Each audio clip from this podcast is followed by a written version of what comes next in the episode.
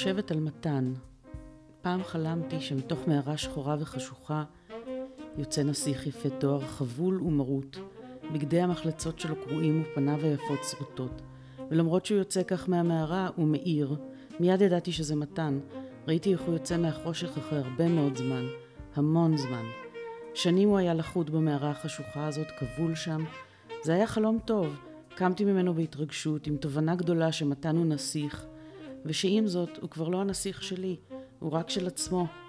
הייתה בזה הקלה גדולה, ראיתי אותו בחלום הולך ממני, יפה כמו אלוהים, ומאחוריו שובל של אור. התיאור הזה לקוח מ"תישארי", הרומן של תמי בצלאלי, ששלובים בו הרבה מאוד פרטים אוטוביוגרפיים, גם מותו של בנה הבכור ששם קץ לחייו, אבל גם סיפור האהבה הגדול ששינה את חייה לחלוטין. תמי, הציירת המחוננת שלימדה במשך שנים רבות בבצלאל, כותבת מאז עוד ועוד. שוחחנו בבית שהיא חולקת עם זוגתה שרה, שמדי פעם גם נשמעת ברקע, ובלעדיה כנראה לא הייתי נחשפת למתנה המוזרה הזאת שתמי קיבלה ממנה, ושנחשפה בפניי כדי להסביר לי איך זה שתמי מצליחה להביט למוות בעיניים ולהגיד לו, סליחה, כן, אני ממש לא מפחדת ממך. זהו, אני, אני כל הזמן חושבת, אנשים נמנעים מלדבר על מוות וככה, אבל האמת היא שהם כל הזמן, אנחנו כל הזמן ביחסים עם המוות. כל הזמן. כל הזמן, אפילו עכשיו. פעולה פשוטה, את הולכת ברחוב, את, את רוצה לחצות את הכביש, מה זה מעבר חצייה? מעבר חצייה זה יחסים עם המוות. את חוצה במעבר חצייה כדי שלא ידרסו אותך, שלא תמותי. כן. יותר כדי שאני לא אפצע האמת, מפחיד אותי. זה אותו כן. דבר, זה, זה לא משנה, זה, זה איום על חייך. את רבה עם אנשים אה, בתור, כי זה איום על קיומך. את לא נמצאת, את לא תהיי, את לא רואים אותך, את לא זה. כל הדברים האלה שאת מציינת הם כל הזמן היחסים שלנו עם המוות של עצמנו. נכון, רק ו- של עצמנו. ואותי הרבה יותר מפחיד מוות של אנשים אחרים. אני חושבת שאולי... שזה בסופו בגלל... של דבר שזה על עצמך. למה? לא כן, היה לך אותם. עצ... נכון. חלק ממך מת. במיוחד שזה מישהו שאת נורא קשורה ואת אוהבת. האהבה זה תמיד יחסים עם המוות. תמיד. את מתאהבת, את, היחד עם זה בא, יואו, עוד מעט, אולי הוא לא יהיה. אולי הוא ימות. את דואגת. דאגה, זה יחסים עם המוות. כל הזמן, מאז שאנחנו נולדים. אני חושבת אה, שאם לא היה את המוות בקצה מרגע שאנחנו נולדים, ברור. אז להרבה דברים לא, היה נרא... לא היינו מייחסים משמעות. זה הקטע. ולא רק זה, החידה הכי גדולה של החיים זה מתי זה יקרה. ואת מנסה לדחות את זה כמה שיותר. כי מוות זה דבר רע, דבר נורא, זה דבר שחור, זה דבר מפחיד, זה דבר זה. בתרבות שלנו זה באמת ככה, אבל אני באמת אה, חושבת שזה משהו שכולנו יודעים שצפוי לא, שם, ו... זה לא חשוב כל כך אם חושבים על זה או לא. עכשיו, אנשים שכותבים, נראה לי שהם כל הזמן חושבים על זה. אנשים שיוצרים. כן. כן, ויש אנשים שפיתחו, גם אומנים, הרבה, שפיתחו מנגנונים מהממים. איך להתמודד עם זה. מציירים את זה, כותבים על זה, מראים את זה, חופרים את זה, מציגים את זה. את עוסקת בזה באמנות שלך? נראה לי שבאיזושהי צורה כל הזמן, כן. כמעט בכל רומן שתפתחי יש איזה מוות, כל סרט כמעט יש איזה הלוויה, יש איזה... זה אי אפשר להימלט, ל, ל, לא להתייחס לזה. כן. כי זה נותן איזה משהו שקשור לעומק. שרל הייתה מאוד, אה, מאוד היה לה בעיה עם זה בהתחלה. אה, אני הבאתי גולגלות. הבאתי גול... אני לימדתי ציור, אבל אה, מעבר לזה, אני מאוד... כאילו זה היה מודלים לציור. גולגלות אדם גולגלות אמיתיות? גולגלות של בן אדם אמיתיות, כן. סליחה, איפה משיגים דברים כאלה? בכל מיני. את רק צריכה להגיד שאת רוצה, ואז זה מגיע אלייך. אוקיי, כמו סמים קשים. כן, בדיוק ככה. אז היו לי גם לא רק זה, גולגלות של הרבה דברים, של ח, הרבה חיות. הגולגולת הכי קטנה שהייתה לי, אה, הייתה גולגולת של עכבר. כן. והגולגולת הכי גדולה שהייתה לי, זה הייתה גולגולת של אה, סוס. בין לבין היו כל מיני כלבים, חתולים, זה... איפה זה. שמרת אותם? בסטודיו, אבל uh, כשאין לי סטודיו, אז אני את רובם נתתי לאנשים שמתים על זה בדיוק כמוני. מתים על זה, זה ביטוי יפה. ושרה גם, רגע, חכי, אני תכף אדבר על זה. מה היא אומרת שם? בא לה להקיא. ואת הגולגלות שאני חושבת ששמרתי שלוש, אחת של ילד, שרק רואים את שיני החלב שמתחלפות, ואני באמת לא יודעת, אולי גם את זה נתתי, לא יודעת. אני לא בודקת כבר, כי אני לא מתעסקת ב... אני כאילו, מספיק שזה פה, אחת אבא שלי נתן לי, שאני המצאתי על זה שזאת אישה מהודו, כי היא גולגולת נורא נורא עדינה וקטנה של אישה, ואחת uh, של גבר, אבל זה בלי הלסת. כאילו, כל אחת יש לה איזה סיפור איפה, מאיפה... בדיוק בימים זה. האלה כל המוזיאונים עסוקים בשאלה אם, אה, אם זה אתי להציג את הדברים כאלה, את יודעת, אה, כן. אפילו את המומיות, אם זה אתי להציג, כי כן. בכל זאת בני אדם. לדעתי זה מאוד אתי להציג בני אדם.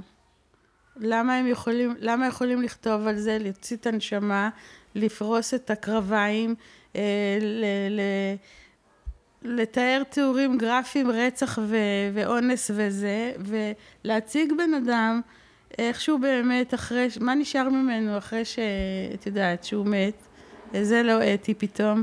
לא, אני חושבת שהעניין הזה, אני חושבת שהעניין הזה במוזיאונים אה, נולד מהקהילות. אינדיאנים בארצות הברית רוצים בחזרה את הגולגולות שלהם, ומצרים רוצים בחזרה את המומיות שלהם. ו... אה, ואנשים שהילדים שלהם נהרגו ב...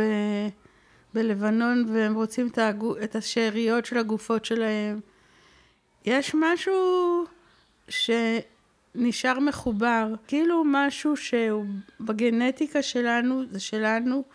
אני באמת לא יודעת להסביר את זה. אני שמה את עצמי במקומה של האימא הזאת שרוצה את, ה, את הגופה, ותמורת זה צריכים להשתולל פה ולהחזיר לזה. אני לא בטוחה שהייתי, הייתי אומרת להם, אל תחזירו, לא צריך את זה. אה, אני, אני באופן אישי, אבל, אבל אני מבינה אותם.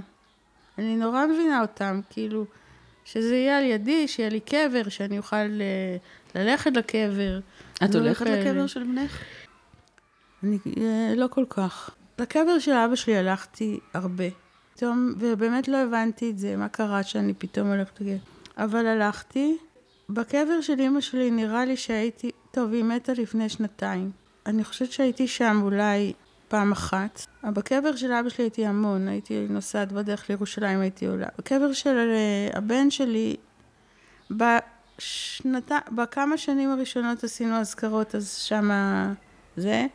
ומאז שהפסקנו לעשות אזכרות בקבר, שגם זה משהו שלא בא לי לעשות, אז אנחנו במקום זה נפגשים בשלושתנו, אני ושני הילדים שלי, נפגשים במסעדה, וזה, ככה אנחנו חוגגים את, ה, את האזכרה. כן. אנחנו לא... ביום פטירתו או ביום הולדת שלו?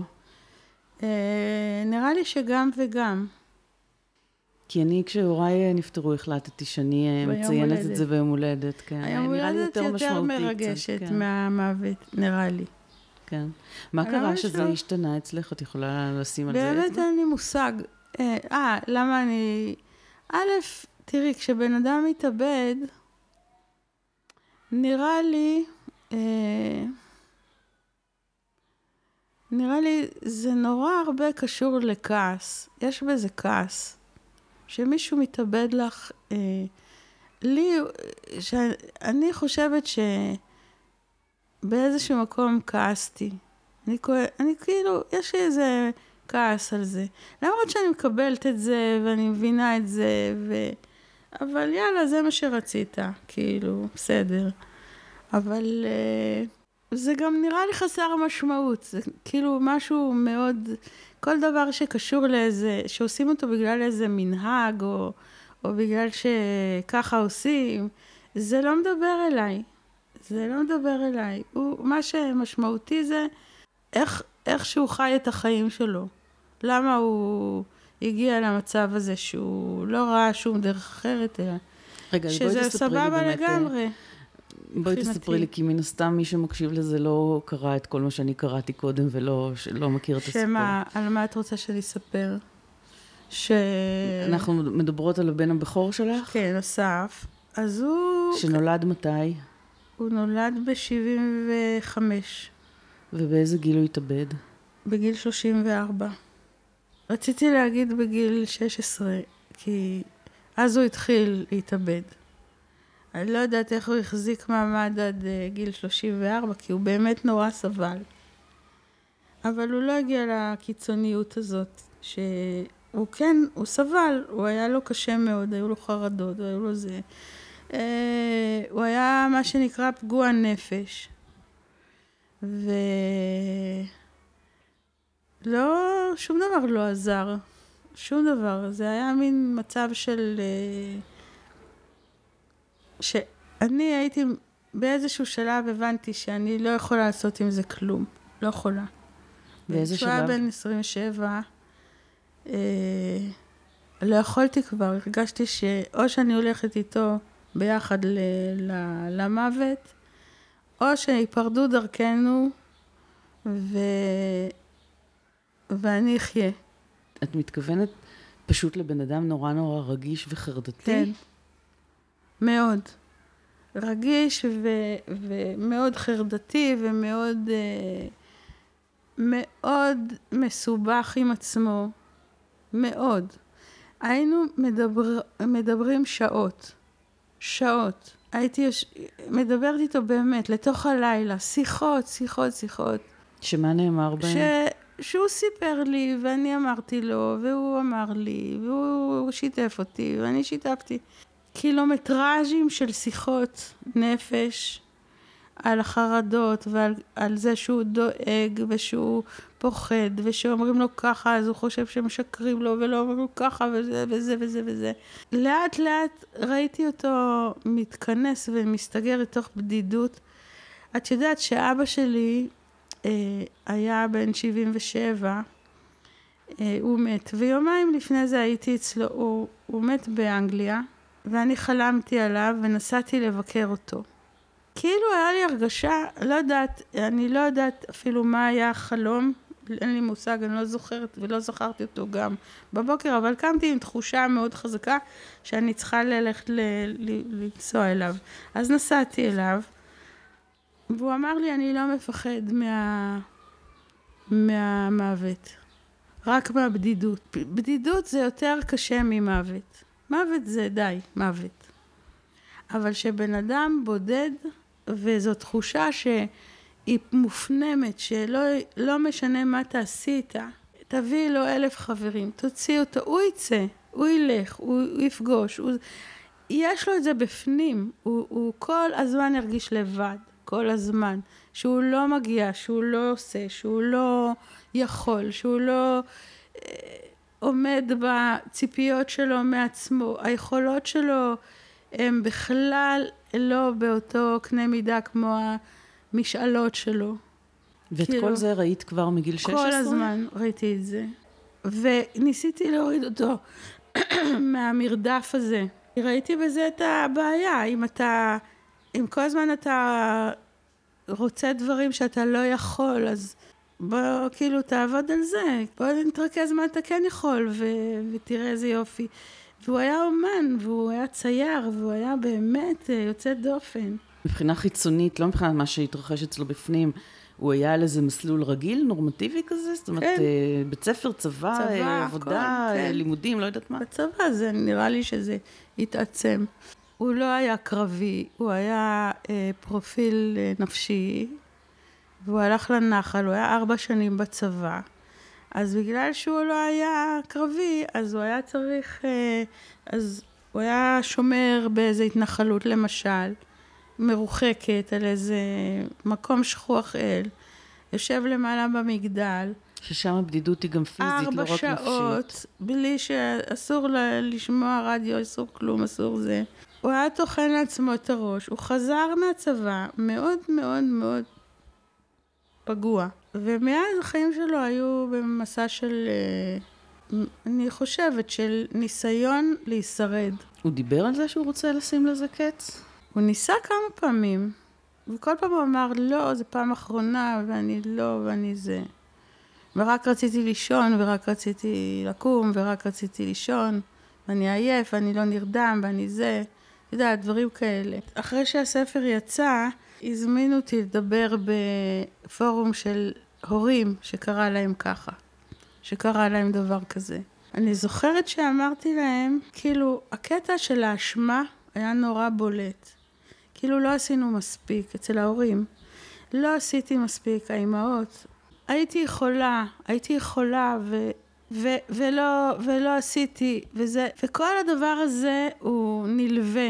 ואשמה מת, מתחלפת בכעס ואסור לכעוס על, על ילד שעושה דבר כזה, אז זה מתחלף באשמה וזה איך שקוראים, איך שאני קוראת לזה, זה סוג של השפעה, השפעה רגשית שמתלווה למעשה, למעשה התאבדות. אז אני אומרת להם, אה, אף אחד לא עושה, לא מתאבד כי טוב לו. או, ברור, בגלל, או בגלל גם, מישהו אחר. אבל גם לא בטוח ש... שרק בגלל שאת אימא של מישהו את יכולה לגרום לזה שיהיה לו טוב. ז, זהו.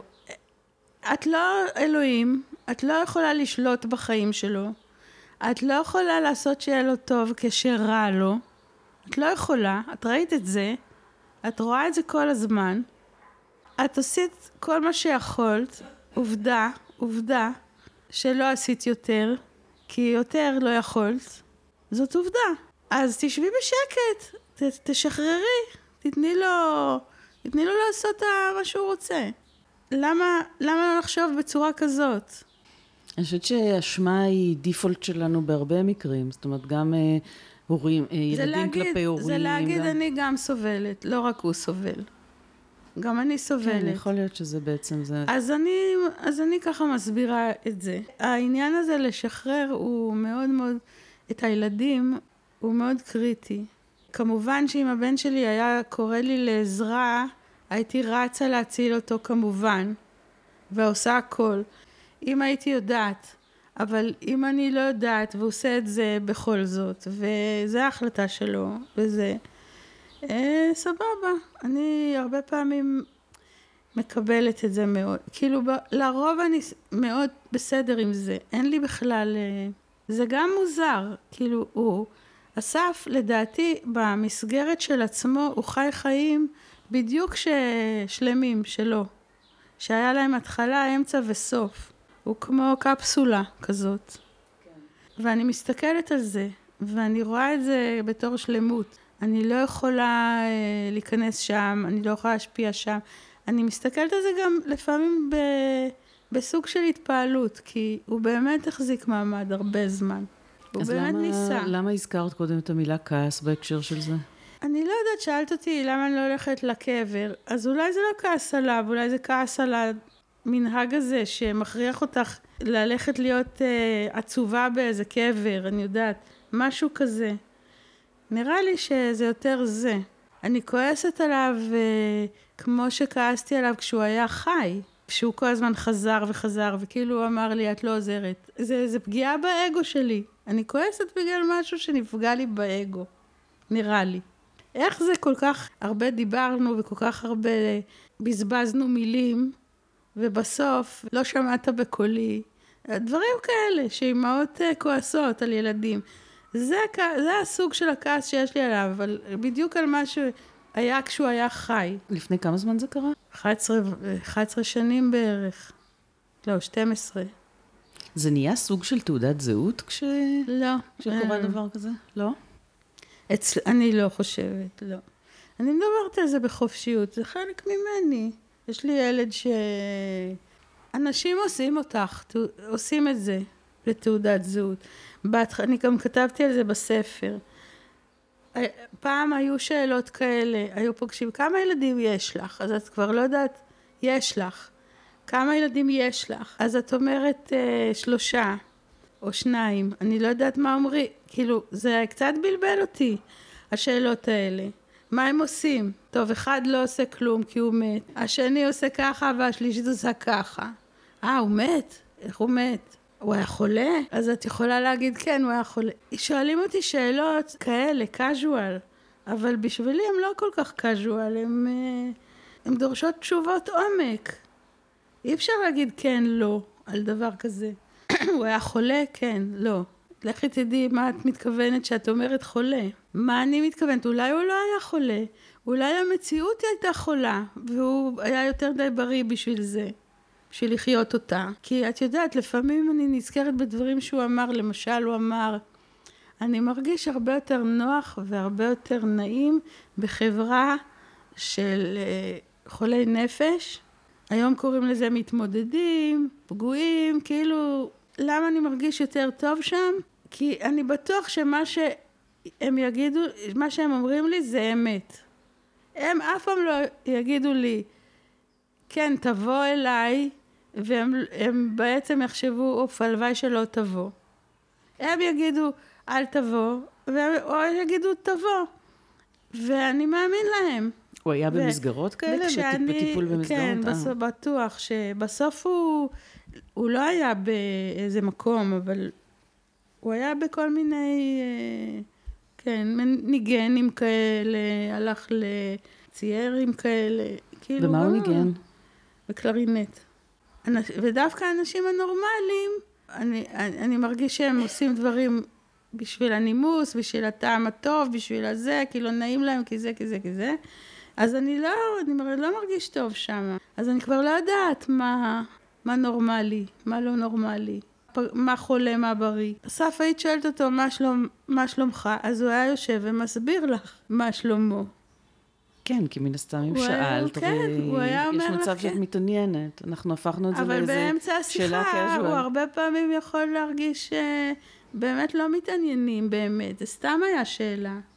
זה עשה משהו ליחסים שלך עם הילדים האחרים? עכשיו, יש הבדל קצת ממה, איך שזה היה ואיך שזה עכשיו. זה קרה בדיוק חודשיים אחרי שעזבתי את הבית. סיפרתי את זה גם בספר, כי זה הסיפור ש... זה הסיפור שאני מספרת. בדיוק, אה, בדיוק הייתי עשרים שנה נשואה, נישואים שניים, עם שני הילדים, שני בנים היו לי, ונולדה לי בת. ברגע שהכרתי את שרה גרוס, אז תוך חודשיים עברתי, עברתי מהבית ויצאתי מהבית וזהו, ונפרדתי. שרה גרוס זה הכינוי חיבה שלך לשרה? כן. בחודשיים האלה עזבתי את הבית, וחודשיים אחרי זה, וחצי, חודשיים וחצי, אסף התאבד. כן. הוא לא הספיק להכיר אותה. כן. אבל הוא הספיק, הספקתי, כאילו ישבתי איתו באיזה מסעדה, והראיתי לו תמונות. אני הבאתי את המחשב והראיתי לו תמונות שלה וזה. באמת הוא היה היחיד שממש שמח בשבילי. הוא אמר, אה, יו, היא נראית גם מצחיקה וגם חכמה מהתמונות. וכולם מסביב היו בסוג של כעס עליי, כי אני פירקתי את הכל, פירקתי את הבית, את המשפחה, את הזה, ועזבתי. וכולם כעסו. אז אסף התאבד אחרי חודשיים וחצי, בלי קשר לזה. אבל יכול להיות שכן, אני לא יודעת, אין לי מושג, אני לא יודעת, לא חושבת. אני חושבת שפשוט התגברה עליו החרדה באיזשהו שלב, והוא לקח מלא כדורים כדי לישון או כדי למות, הוא פשוט מת. וכולם כבר לא יכלו, נעצרו, לא יכלו לכעוס בשקט, כי כבר אה, חטפתי אותה, כי אסף בדיוק מת. את יודעת, זה היה הכל מעורבב יחד. אבל גם הם חטפו שזה אותה. שזה היה מאוד, כן, אבל אני מדבר, מדברים עליי. כן. על הכעס, איך זה השפיע. זה היה דבר אחד. דבר ראשון, נזהרו. נזהרו, כי נהייתה בעיה יותר קשה. אני עזבתי את הבית, זו הייתה בעיה נוראית, אסון ופירוק וזה וזה, ופתאום אסף מת, אז זה נהיה, פתאום הכל עמד באיזה פרופורציה משונה כזאת, מזעזעת, מזוויעה, לא יודעת איך לקרוא לזה. וכולם נורא נזהרו, וזה היה מעולה, כי נתנו לי שקט. נתנו לי שקט ואף אחד לא ידע מה להגיד והיה איזה סוג של הלם והייתי צריכה לבנות עוד פעם יחסים עם, אה, עם הבת שלי שכעסה עליי ועם זה היה מספיק משימות שמה אז זה קשה לי לדבר אבל כשאת אומרת לי מוות וזה ואני אומרת לך זה חלק מהחיים וזה צמוד לאהבה אז אצלי זה אשכרה, זה ככה. אני, אני הדגש, אני יודעת איפה הייתי. אני הייתי מאוהבת. אסף לא הפתיע אותי בכלל, הוא לא הפתיע אותי. ובאיזשהו מקום ממש הבנתי אותו. ולא, לא יודעת, חשבתי, היו שנים שאמרתי, וואי, אני בטח חתומה, נאטמתי באיזושהי צורה. אבל אה, לא, אני פשוט מיציתי, מיציתי את כל החרדות, כל הפחדים, את כל האשמות, את כל הזה, בזמן שהוא היה חי. ברגע שהוא מת, זה נגמר. כי אמרתי לך, הוא פתאום נהיה קפסולה סגורה כזאת, שהיה לה התחלה ואמצע וסוף, ואני רואה אותו ככה. זה כמו ו... כש... כשהולך לעולמו מישהו שהוא אה, מאוד סבל פיזית נגיד, כן. ו... תראי, אני באה ממשפחה שיש לה היסטוריה של דיכאונות, וכל הזמן אמרו לי גנטי, גנטי, זה גנטי. כאילו, בזמן שהיינו מאשפזים אותו, זה פעם ראשונה ששמעתי את העניין הזה, עשו לי איזה משאל כזה, טופס. ו... עכשיו אימא שלי דיכאונית, ואחותי, וזה.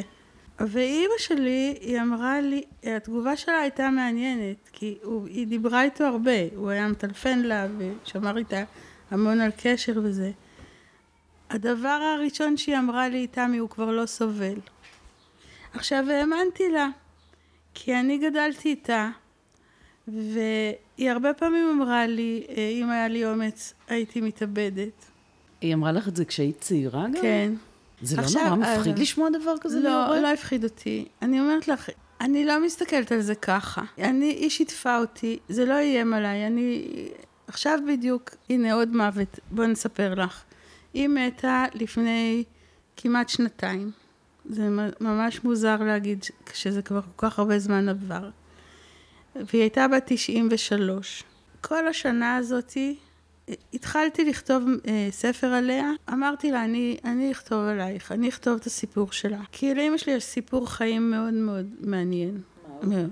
היא נולדה בעיראק, היא למדה באנגליה, היא עלתה לארץ, היה לה סיפור אהבה, היה לה אכזבות, היה לה זה, היה לה משפחה. מלא מלא אה, דברים שקרו לה. אימא שלי דמות, עכשיו, היא לא חיה כדמות, היא הייתה מאוד כזאת, היא נחבאת על הכלים ובשקט, ואבא שלי היה תפס את כל הבמה, הוא היה... הקלטתי אותה איזה חמישים שעות. עכשיו, אמא שלי מספרת סיפורים אה, מאוד עובדתי, מאוד מדויק, מאוד זוכרת, מאוד מקפידה על פרטים, אה, משתפת הכל, בכלל לא אכפת לה מה זה עושה, מה זה לא עושה. וכשאני שואלת אותה, אה, מה, מה הרגשת? במקומות נורא קשים, מה את הרגשת? אז היא אומרת לי, את יכולה לתאר לעצמך מה הרגשתי. אז כאילו היא אומרת לי, את תכתבי מה אני הרגשתי. את תגידי את זה. והספר כולו זה ככה, זה מה היא הרגישה, מה אני חושבת שהיא הרגישה, או מה אני רואה. או, בעצם היא, מרג... היא מרגישה דרכי, לא, יש לי אחות, בשמונה שנים קטנה ממני. אימא שלי, אני כאילו הצינור שדרכו היא מרגישה, והספר לאט לאט נהיה מהסיפור שלה לסיפור שלנו, שזה תהליך שאני עברתי עם הכתיבה, שהוא נורא נורא מעניין. והיא אמרה לי, הוא כבר לא סובל. כן. אז אני פשוט ידעתי על מה היא מדברת. האמנתי לה. וזה מאוד עזר לי, כי זה משהו, זה משפט שאומרים אותו המון. הוא כבר לא סובל, לפחות עכשיו הוא כבר לא סובל, כאלה. כל הזמן שומעת את זה עם אנשים חולים שמתים. אבל כן. אני, הוא יצא מה, מהקטע הזה של אומרים אותו, כי אימא שלי אמרה אותו. קיבל איזה חותמת. אז, אז כאילו פה היה, אני הבנתי את העומק שיש מאחורי זה. כן. כי היא לא, היא לא הרגישה אשמה או מאשימה, או בכלל היא אף פעם לא האשימה אף אחד בכלום.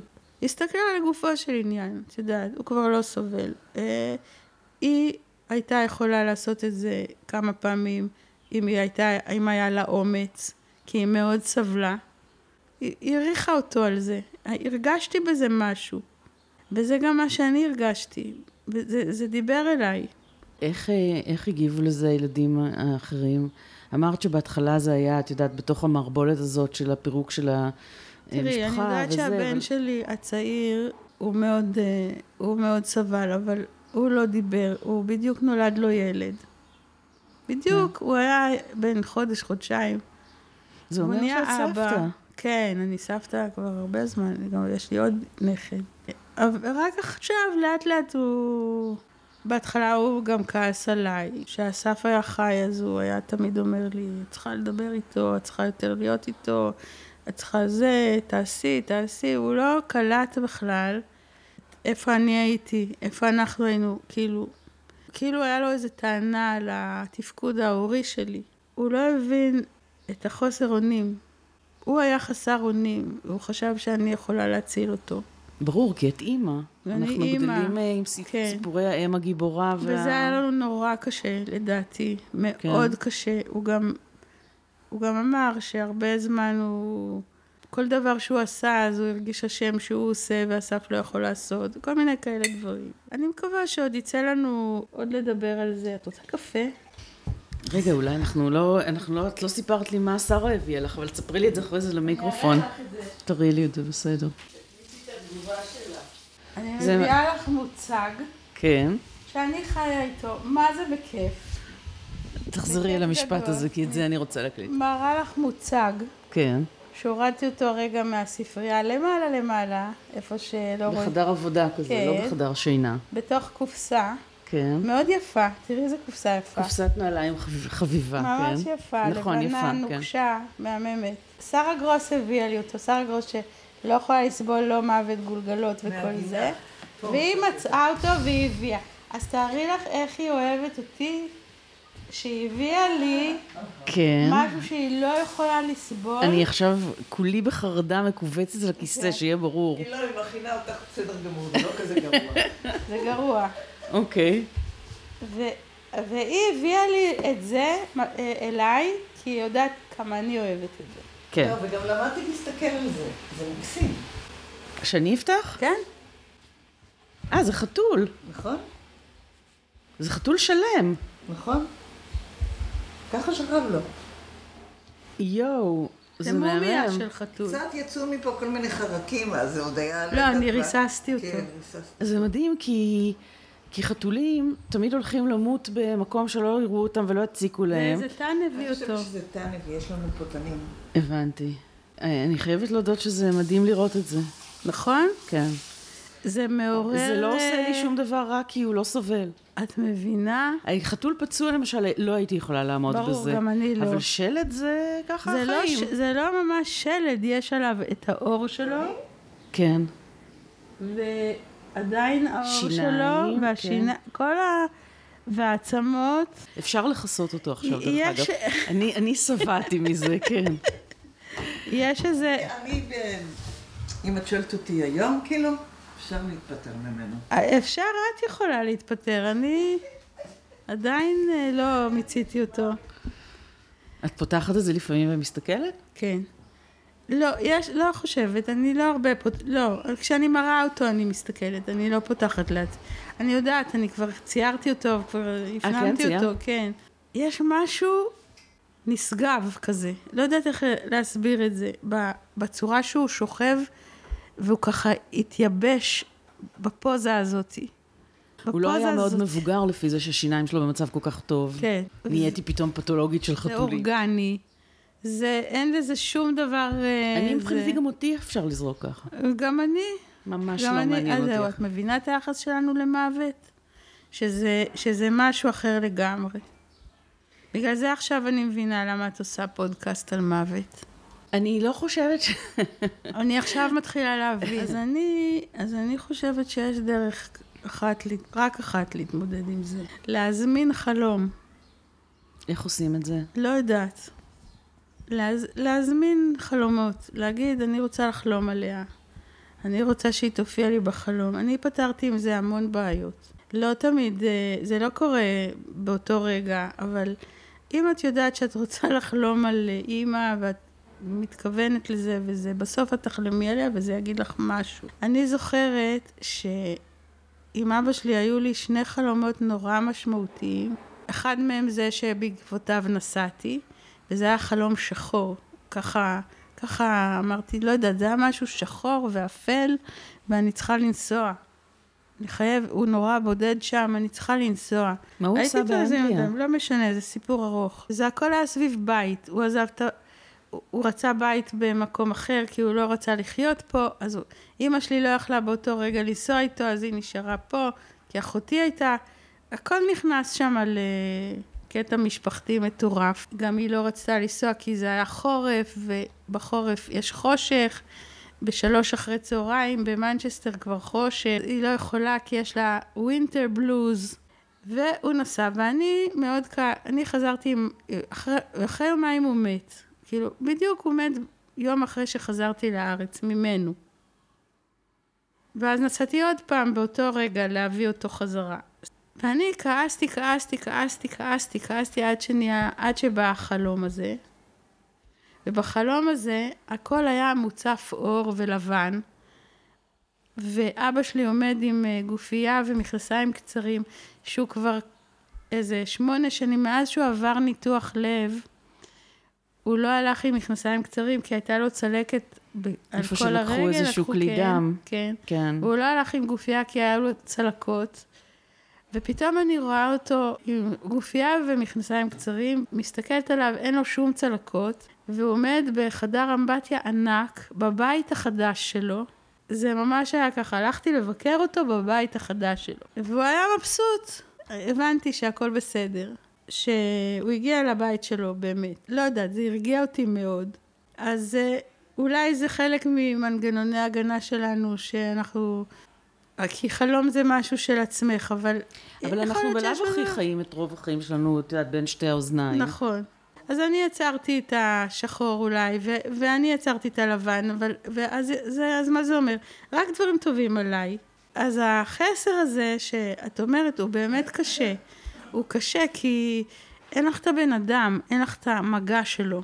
נכון. אין לך את המבט עיניים, אין לך את האנרגיה שיוצאת אלייך, אין לך את הדבר הזה אה, מהגוף שלו, כאילו. ואין לך את. התגובות המפתיעות, ש... כן. כאלה שאת לא מסוגלת להעלות בדעתך לבד ולהמציא לעצמך בחלום.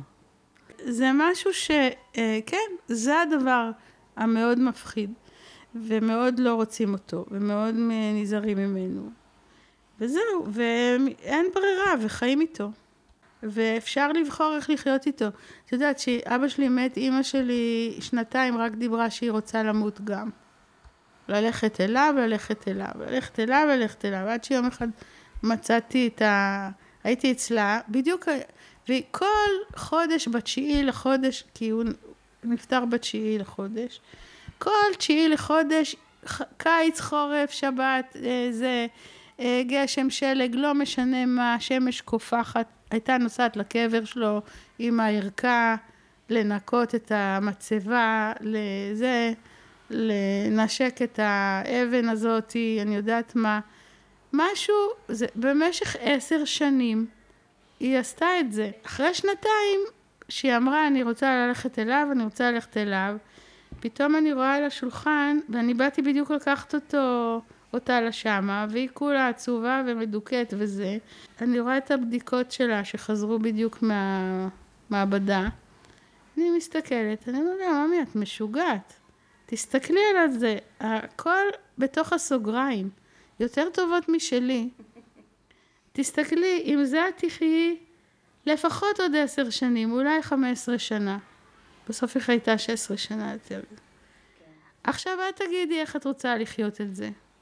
בככה, בבכי, בקיטורים, בלמרר את החיים של עצמך ושל כולנו, או שאת אומרת, בסדר, הוא יחכה לי, במילא את תמותי בסוף. בינתיים תחיי. נראה לי שזה עזר לה, או שהאבל יש לו את הסוף הטבעי שלו, אני לא יודעת מה. ובאמת אחר כך היא אמרה, טוב, הוא חיכה לי כל כך הרבה שיחכה עוד קצת.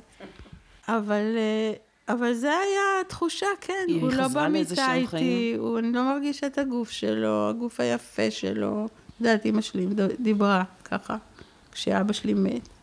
His beautiful body, היא הייתה מדברת עליו באנגלית. וזהו.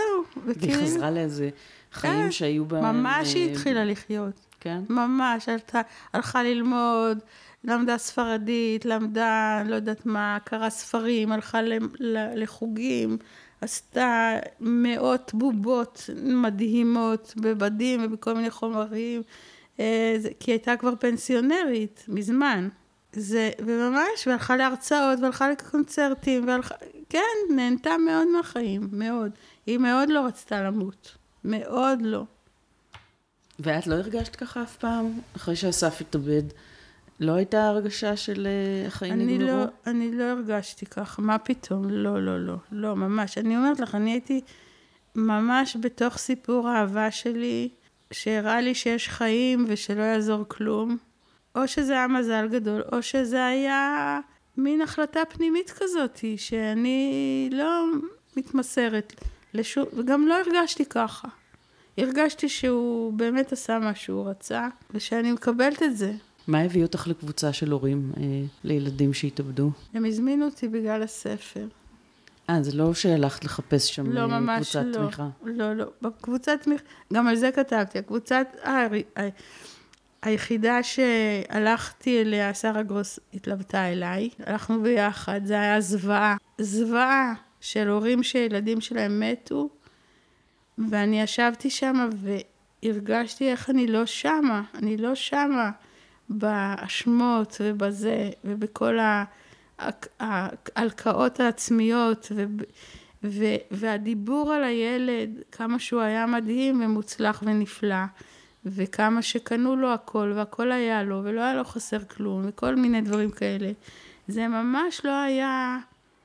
זה, אני לא מצאתי את עצמי שמה בכלל, בכלל, בכלל. והיה שם מנחה שהיה כנראה רגיל לשמוע רק דברים כאלה וזה. אז אנחנו לא חזרנו לשם יותר. התייחסות שלך לאירוע הזה משתנה עם השנים? אני יודעת שאני... אה, לא, אנחנו צוחקים הרבה. אנחנו לא מדברים עליו כמעט. קצת. אנחנו מרימים לו לחיים, דברים כאלה. אבל כולנו, ברור שהוא נמצא. הוא נמצא, ברור. המון. הוא נמצא בחיים שלי, הרבה מאוד. הרבה מאוד. אני המון חושבת עליו.